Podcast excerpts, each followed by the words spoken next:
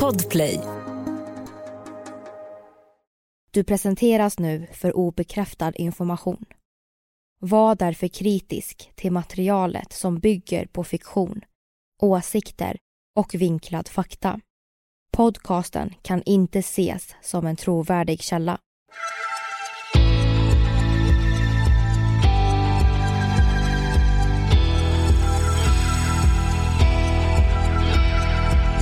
Det här är podden för dig som är intresserad av en annan version av verkligheten. En version som tar upp alternativa teorier, mystiska sammanträffanden och diskussioner om vad som kan vara sant. Mitt namn är Vivi. Och mitt namn är Aida. Och det här är konspirationsteorier.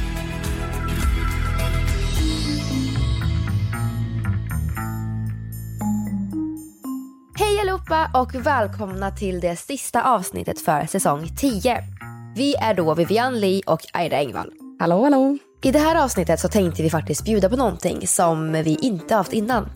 Vi har faktiskt med oss en gäst den här gången. Och det är inte vem som helst utan det är faktiskt journalisten och författaren Kent Werne.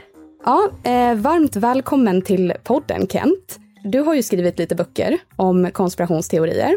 Mm. Så vi tänkte att vi börjar avsnittet med att du ska få presentera dig själv och berätta om det, vad det är du har gjort. Ja, jag heter alltså Kent Werner. Jag är journalist och författare. Jag har skrivit två böcker om konspirationsteorier. Eh, den första eh, som kom ut 2018 heter Allt är en konspiration. Och där tar jag liksom ett ganska brett grepp om fenomenet konspirationsteorier och tittar på det idag men också historiskt och liksom letar efter rötterna till de konspirationsteorier som vi fortfarande har runt omkring oss. Eh, och sen den andra boken eh, heter Konspirationsfeber mm. och mm. den släpptes i augusti 2021, alltså i år. Och den tar utgångspunkt i de konspirationsteorier som har spridits under coronapandemin. Eh, och egentligen hade jag inte tänkt att skriva en uppföljare till Allt är en konspiration. Eh, därför att jag kände att ämnet var ganska uttömt. Kanske inte så att jag tar upp alla konspirationsteorier direkt Nej. i den boken men ändå hade jag liksom fångat det jag ville fånga, säga det jag ville säga.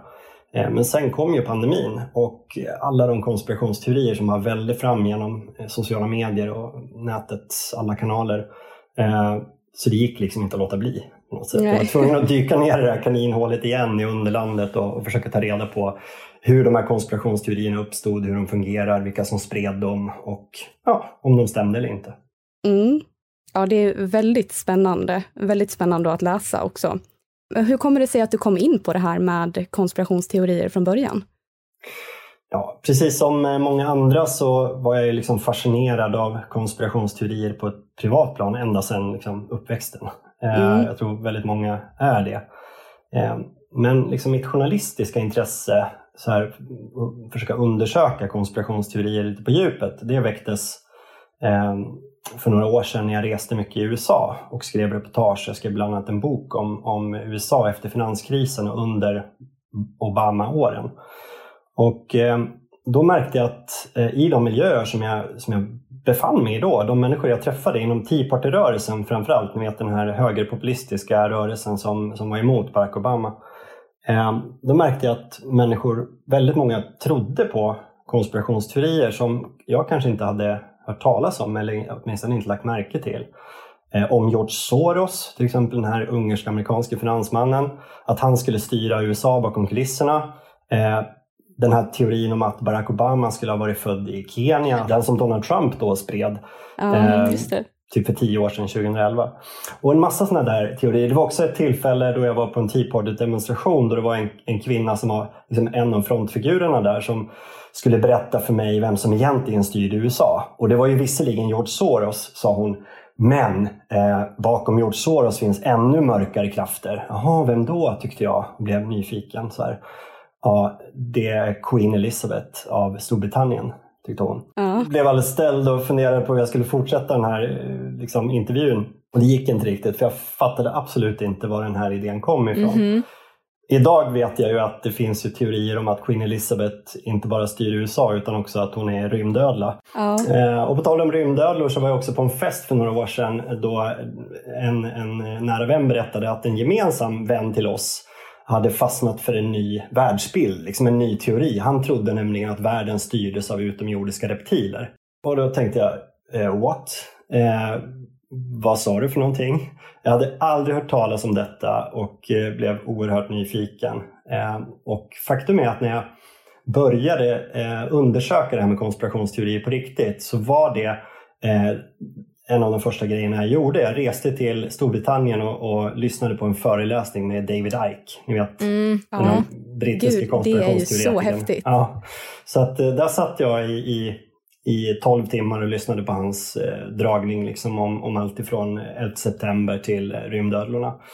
Eh, så att det var liksom min eh, entré in i konspirationsteoriernas värld och det här var 2016 och sen släppte jag boken 2000, den första boken då, 2018. Så det var liksom min resa in i det. Men man kan väl säga att, att för mig blev det intressant att titta närmare på konspirationsteorier när, det, när jag märkte att det här var liksom politisk grej. Att det, att det inte bara var eh, någonting som folk sitter och intresseras för på fritiden och tycker är ganska roligt. Eh, utan att det, det var någonting som engagerade människor och någonting som gjorde att de agerade politiskt. Alltså röstade på en viss person eller till och med, ja, alltså om man ska göra det ännu värre då, alltså det finns ju många terrorister och, och massmördare som har inspirerats av av konspirationsteorier som är politiska, liksom om judar och muslimer och sådär. Mm. Så att eh, då blev det liksom intressant och viktigt och det är också till stor del det min första bok handlar om. Eh, om man ska vara ärlig. Det är ju inte i första hand kanske de här mer lustiga konspirationsteorierna utan det är de här mer allvarliga om man säger så. Säger så. Ja, de allvarliga är ju verkligen alltså djupgående. Det är så mycket mer än bara vem gjorde det, var, alltså, var det verkligen så som vi fick det till oss? Alltså så som nyheterna sa det eller så här, finns det någon annan som du vet, gjorde planer mm. och sådär. Så att det är ju mm. väldigt mm. eh, intressant kring att, ja men, eh, jag vet inte vad jag skulle säga, men jag ville bara kommentera att jag tycker också det jo, är väldigt det, intressant. Det, det du säger stämmer och det är liksom när man börjar ställa sig frågan, vem låg bakom det här? Vad var det för slags eh, eh, elit eller för slags dold makt som genomförde den här konspirationen och den här mörkläggningen kring 9-11. Då. Det är då man kommer in på de här klassiska svaren som ofta förekommer inom konspirationsteoriernas värld. Ja, det var judarna. Eller det var Rothschild eller det var George Soros. Eller liksom, eh, och idag så är det ju liksom Bill Gates som är i skottgluggen när det handlar om coronapandemin. Då. Alltså det, det blir liksom ett, ett, sökande efter, efter eller Illuminati, så här, om man ska gå riktigt så här, djupt ner i, i kaninhålet då, eller rymdödlorna. Eh, så, så, att det är då man verkligen eh, också kommer in i de här mer eh, politiska och allvarliga konspirationsteorierna där, där det ofta handlar om, om judar och det blir antisemitism av det hela. Ehm, även fast det kanske inte var utgångspunkten för den som började forska kring det här, om man säger så. Nej, det är ju det som är det farliga verkligen med konspirationsteorier. När det inte är de här lustiga teorierna längre utan när det verkligen blir ja, men åt det antisemitiska hållet eller när det är terror och mm. andra hemskheter. Liksom. Ja, verkligen. Och det, jag, jag, tycker det är viktigt att skilja mellan de där sakerna. Jag menar, det är ju in, in, inte farligt om folk tror att Elvis lever eller Nej. ens eh, egentligen att världen styrs av rymdödlor. Um, det blir ju farligt när det, när det eh, är verkliga personer som faktiskt pekas ut eller folkgrupper som judar eller muslimer, eh, religioner och så, eh, som får skulden för någonting, mm. som blir syndabockar. Liksom. Och det var ju tydligt när jag, dels i min första bok när jag, när jag tittade på historien, där var ju antisemitismen en väldigt viktig pelare liksom i det jag kallar för konspirationstänkandets historia. Eh, det kokar ofta ner till att man påstod att det var judarna som låg bakom alltihop. Och det här började egentligen i, på allvar i mitten på 1800-talet. Och sen gifte sig liksom den antisemitiska världsbilden med det här om Illuminati som egentligen hade uppstått innan då. Eh, alltså ett mm. hemligt sällskap som på något sätt skulle ha legat bakom en massa saker. Um, och, å andra sidan så, så finns det ju då eh, liksom ännu äldre konspirationsteorier om judar som jag blev bekant med nu. Eh, när jag tittade på coronapandemin och tidigare pandemier. Då, som liksom, eh, för att hitta det här historiska mönstret på något sätt. Då märkte jag att, okej, okay, eh, så långt tillbaka som digerdöden på 1300-talet så spreds det konspirationsteorier under pandemin. Mm. Och då var det ju då judarna som fick skulden för och pekades ut som de som hade spridit pesten genom att förgifta brunnar. Eh, så tiotusentals judar brändes på bål i Europa, eh, anklagade för att ha förgiftat eh, de kristnas dricksvatten. Och det var ju naturligtvis helt befängt. Det finns inga belägg för att det var på det sättet. Jag menar, pesten spreds av råttor och löss och så. Eh, men det var judarna som fick skulden och vi ser det liksom återkomma om och om igen genom historien. Dels att judarna får skulden men också att det eh, uppstår konspirationsteorier just under pandemier och liknande kriser av det slaget. Liksom. Eh, och så är det också idag då under, under pandemin som vi fortfarande lever under. Mm. Ja, nej, men jag, gud, jag bara, oh! jag hade ingen aning faktiskt att eh, det här med pesten och det, att det spreds konspirationsteorier om att det var judarnas fel. Jag blev väldigt chockad när du berättade det nu. Mm. Mm. Och att det är så gammalt, alltså att konspirationsteorier är så gammalt. Jag har tidigare tänkt att det kom först när Illuminati kom. Mm. Men eh, Ja. ja, det trodde kanske jag också. Ska man titta egentligen på de konspirationsteorier som fortfarande existerar och som folk pratar om och undersöker på något sätt så är det ju tillbaks till franska revolutionen och då, då just konspirationsteorin om Illuminati och frimurarna som, som påstått skyldiga till revolutionen spreds. Ehm, Eh, och de, de teorierna och de personerna liksom, som spred de teorierna lever fortfarande kvar liksom, i den här konspirationskulturen. Eh, men egentligen är kanske konspirationsteorier eh, lika gamla som mänskliga samhällen. Mm. Alltså, vi kanske alltid har misstänkt folk inom vår grupp eller andra grupper för att planera saker i det dolda, för att konspirera helt enkelt.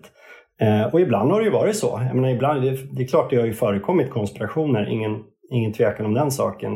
Ta bara mordet på Julius Caesar eller eh, mordet på Gustav III var ju klockrena konspirationer med stor mm. betydelse i historien. Men det har också funnits, uppenbarligen väldigt långt tillbaka, idéer eller berättelser om konspirationer som inte bygger på fakta, som inte har varit sanna. Eh, till exempel att kejsar Nero skulle ha bränt ner Rom. Det finns inga belägg för, men det var en, en teori som spreds redan på den tiden, alltså för typ 2000 år sedan. Mm. Eh, och eh, som folk kanske fortfarande tror på.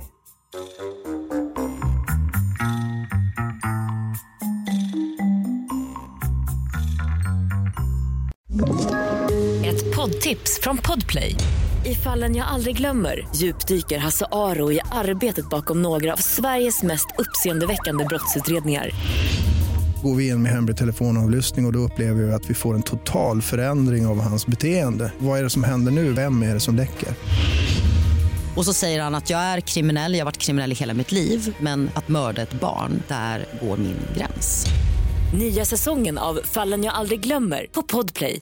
Grejen är ju så att, enligt mig i alla fall, är ju att när konspirationsteorier bygger på fakta som inte är sanna överhuvudtaget att det är då det blir ett problem. Mm. Och jag skulle tro att det är förmodligen är det som har gjort att ordet i sig har fått en dålig klang. När du har gjort din research och så, har du upplevt att ordet konspirationsteorier har en dålig och negativ klang till sig? När du pratar om det liksom? För det kan ju vi känna lite att det har. Absolut, visst är det så. Och de som, eh, de som tror på konspirationsteorier brukar ju inte gilla att bli kallade för konspirationsteoretiker. Nej, precis. Eh, och de brukar ju inte gilla ens att man pratar om konspirationsteorier utan just därför att det har en, en dålig klang. Liksom det är belastat på något sätt med, med, med ja, till exempel då att, att folk har begått brott eller terrorattacker eller folkmord utifrån liksom, konspirationstänkande och konspirationstro. Mm. Eh, och det är också så att, att vi, när journalister pratar om konspirationsteorier så är det ofta med en slags eh, baktanke att, att ja, det här är någonting dåligt. Eh, det är någonting som inte stämmer, det är, det är myter och det är liksom osant. Och det är det ju liksom väldigt ofta, men inte per definition egentligen. Alltså en konspirationsteori brukar jag säga är inte per definition osann. Den är bara obevisad. Exakt. Alltså det kan ju framkomma bevis som gör att den förvandlas från en konspirationsteori till konspirationsfakta om man säger så. Eller till Mm. en belagd, verklig, eh, faktisk konspiration. Och det har ju hänt. Ja men det har det ju verkligen. Inte, ja, inte lika ofta kanske. Nej. Men ja. Men det har ju hänt. Nej, men jag tänker på, på NSA-skandalen, alltså Edward Ja. Snowdens avslöjande av, av NSAs massövervakning. Innan han, han eh, la fram dokument som bevisar det här, ja, då var ju det en, en helt galen konspirationsteori som, som bara så kallade foliehattar då trodde på. Men sen blev det ju då fakta. Alltså det var, gick Mm. inte att förneka det här längre.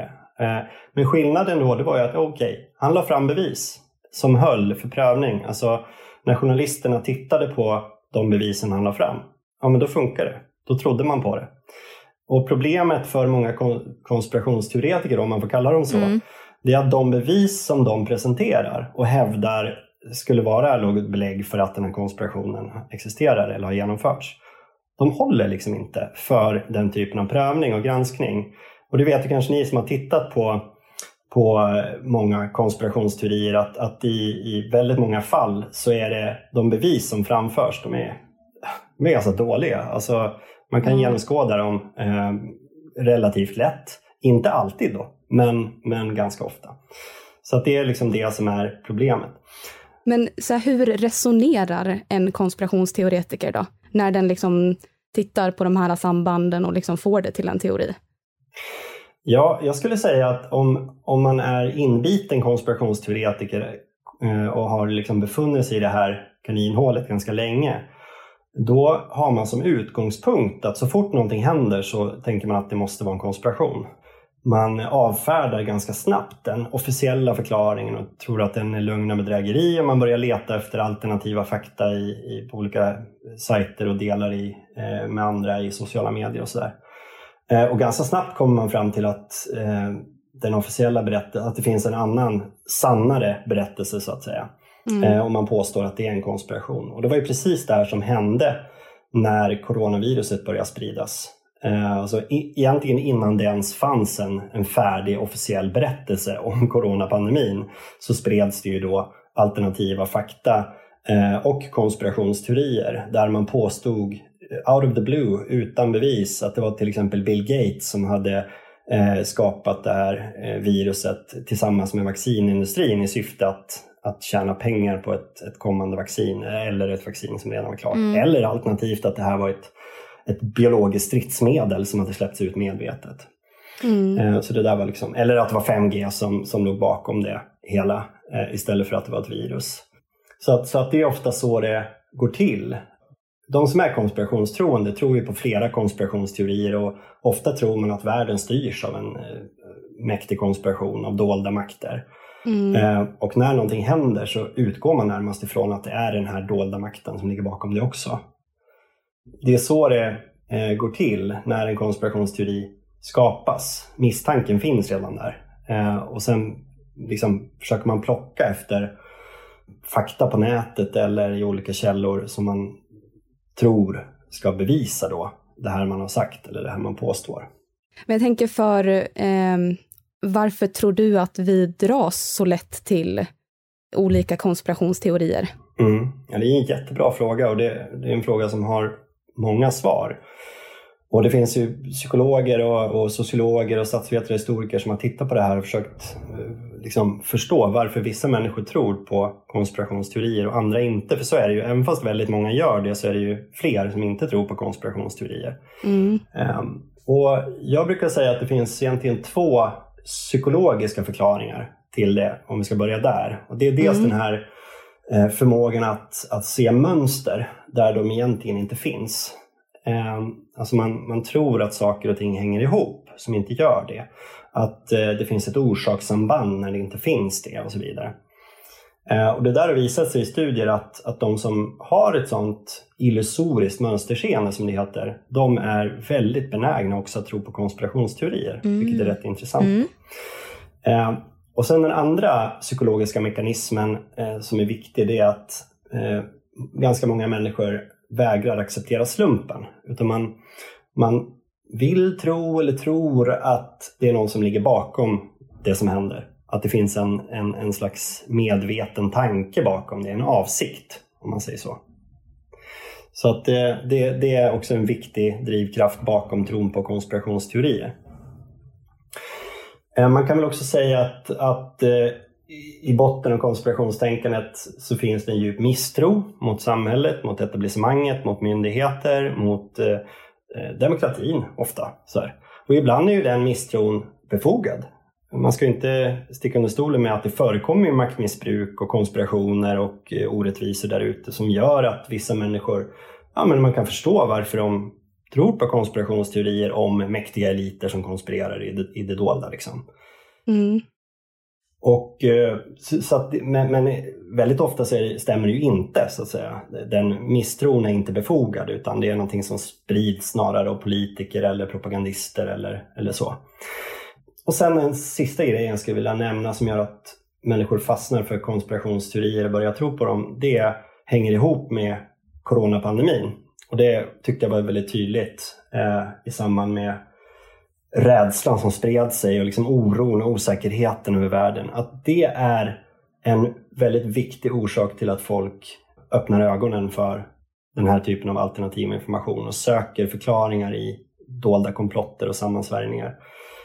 Antagligen för att, för att konspirationsteorier på något sätt ordnar upp det här kaoset lite grann.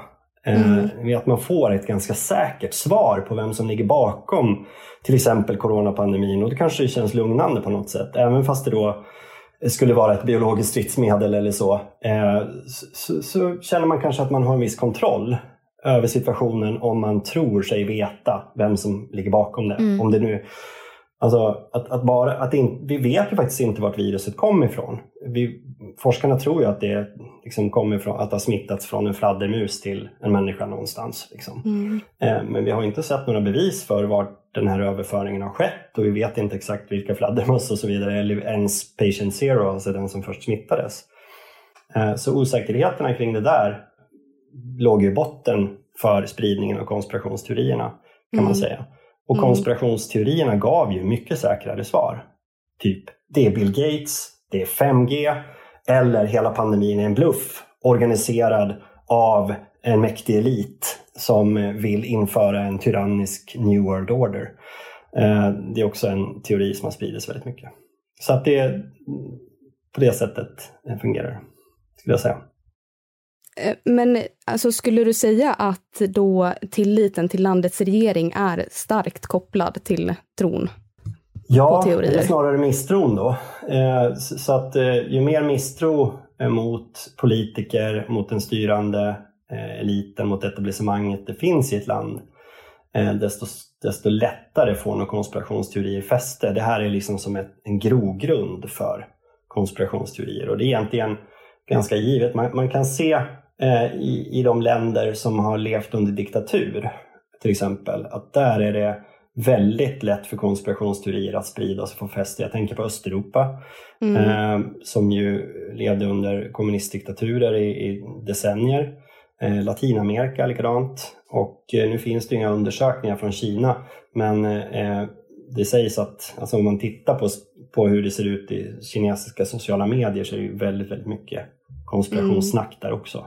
Jag eh, tror på konspirationsteorier. Och om man ska ta en demokrati då så, så kan vi ta USA som klockrent exempel. Eh, det är ett land som har eh, präglats av rasism och ganska stora orättvisor och grov ojämlikhet, bristande demokrati och verkligt maktmissbruk, konspirationer. Liksom. Tänk på Watergate-affären, NSA-skandalen och Vietnamkriget och allt möjligt. Mm. Som har gjort att, att människors tilltro till politiker och till demokratin är väldigt låg och har minskat med åren. Mm. Man säga. Det är inte konstigt. Nej, och då, då får konspirationsteorier lättare fäste. I Sverige är det inte på samma sätt riktigt. Vi, jag menar, det är ju 10-20 procent som tror på olika konspirationsteorier här också, men inte upp på 30-40 som det är i USA. Det är väldigt stor skillnad. Mm. Har, det, har det blivit en ökning där i och med pandemin då? Ja, det kan man nog säga, även fast det är, ju, det är svårt att, att se liksom, över tid när det handlar om, om nya konspirationsteorier, för de, de, de fanns ju inte förr, så det gick liksom inte att, om ni förstår, det gick inte att mäta eh, liksom, över tid, så, eh, konspirationsteorier som skapades under pandemin. Men om man tittar på en, eh, en, ett fenomen som vaccinmotstånd och misstron mot vacciner, eller snarare konspirationsteorin att myndigheter, läkare och vaccinindustrin håller varandra om ryggen och döljer de sanna farorna med vacciner, om man säger så. Mm. Om man tittar på den andel av befolkningen som, som tror att det är sant så har den ökat ganska kraftigt i och med pandemin. Även i Sverige faktiskt. Så mm. visst har pandemin spett på konspirationstron, absolut.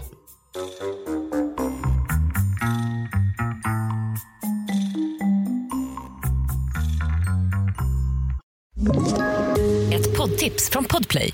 I podden Något Kaiko garanterar östgötarna Brutti och jag, Davva, dig en stor dos skratt.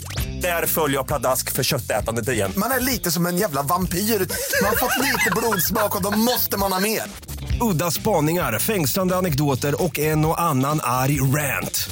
Jag måste ha mitt kaffe på morgonen för annars är jag ingen trevlig människa. Då är du ingen trevlig människa, punkt. Något kajko, hör du på podplay. Därför är gardinerna många har ju lärt sig väldigt mycket om konspirationsteorier nu och det har kommit mycket rapporter och skrivits mycket mer om det. Tror du att det kommer bli alltså någon positiv utveckling i att vi lär oss mer av det eller hur tror du att det kommer se ut?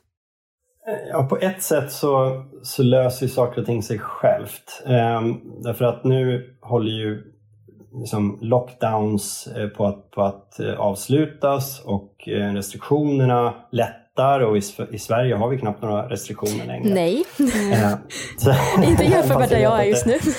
Nej, jag vet att i Storbritannien är det lite annat läge. Mm. Oh.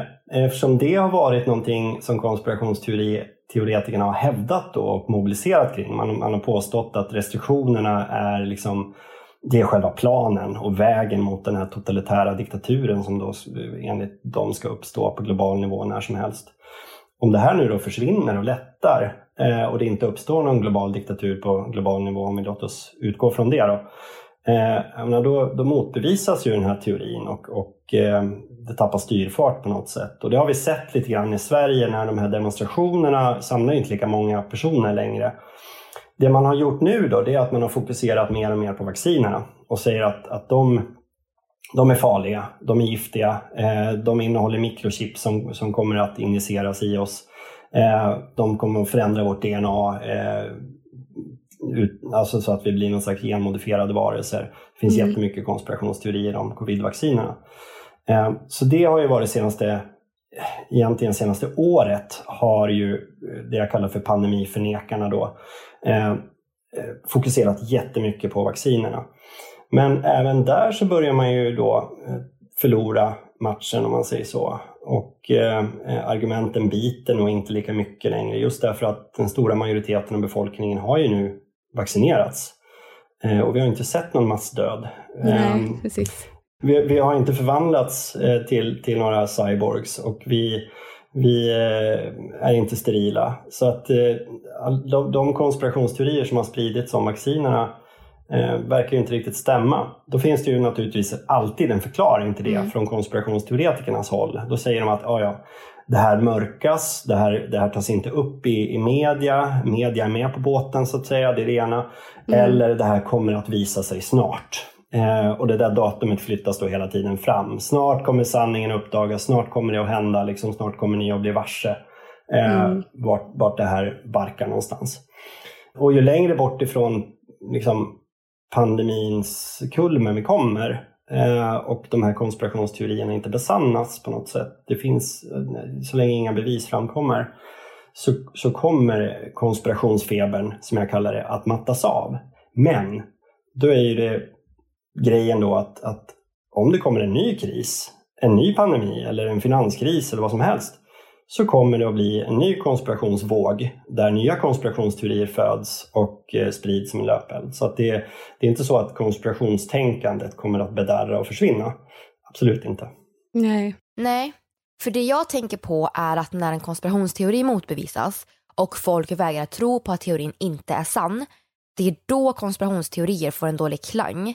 Som vi pratade om tidigare så är väldigt många teorier obevisade och då kan man ändå hålla dörren öppen för de teorier som finns. Men när bevisen är framme och teorin faktiskt är motbevisad, då tycker jag att man borde acceptera det.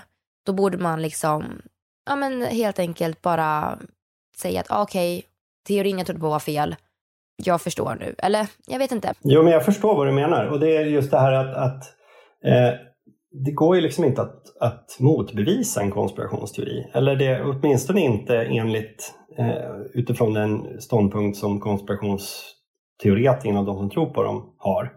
Eh, därför att eh, de har alltid en förklaring till eh, varför då det inte finns tillräckligt med bevis eller varför det, det här motbeviset finns eller så vidare.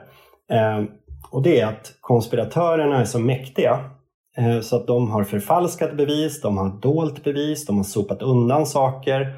Eh, och du som för fram de här motargumenten och bevisen, du är en del av konspirationen. Eller du är köpt av konspirationen. Eh, så det kan jag inte lyssna på. Så därför blir det ju liksom en själv, ett slags självförsvar som är väldigt intakt. Alltså som är, som är väldigt starkt. Det är som en nästan ogenomtränglig sköld. Och det där har jag upplevt för att, jag skulle säga att i min första bok, Allt är en konspiration, så argumenterar jag inte så mycket emot konspirationsteorier. Och det var bara ett par teorier egentligen, Kennedy-mordet och, och den om Illuminati och så, som jag gick ner i på djupet och tittade, ja men stämmer det här verkligen? om man mm. säger så. Men, men sen har jag ju också eh, liksom i olika mediesammanhang och inte minst i min senaste bok Konspirationsfeber eh, faktiskt värderat, alltså försökt att utröna stämmer de här eh, påståendena eller inte.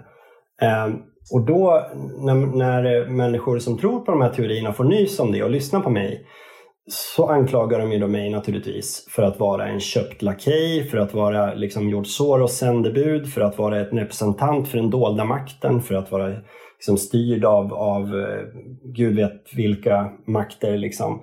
Eh, och, och, att jag är korrupt och så. Eh, så att det är hela tiden svaret till den som kommer med motargument eh, och försöker på något sätt säga eh, vänta här nu, det här kanske inte stämmer riktigt.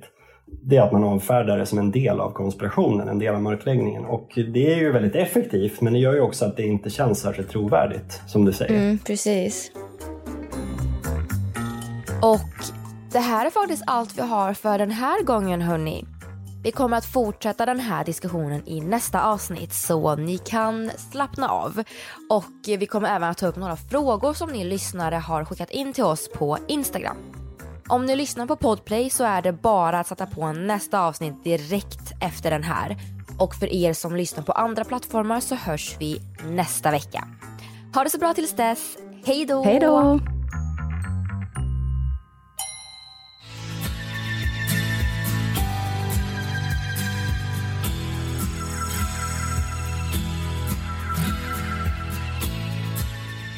Du har lyssnat på Varför tror vi på konspirationsteorier? Avsnittet gjordes hösten 2021. Vi som har gjort programmet heter Vivian Lee och Aida Engvall tillsammans med redigerare Jenny Olli. Källorna till dagens program hittar du via vår Facebook eller Instagram där vi heter konspirationsteorier. Via våra sociala medier kan du även skicka in tips och önskemål på teorier som du vill höra i podden. Vill du höra fler avsnitt av konspirationsteorier? Besök din poddapp och lyssna på avsnitt som Vem mördade presidenten? From the get-go the news was so hard to believe. A single man with a rifle killing the protected leader of the free world. 9-11. What would I have done? Yeah. I would have done a legitimate a legitimate investigation to find out what exactly happened on 9/11. How did they know who did this so quickly like they did Lee Harvey Oswald? Och mycket mer.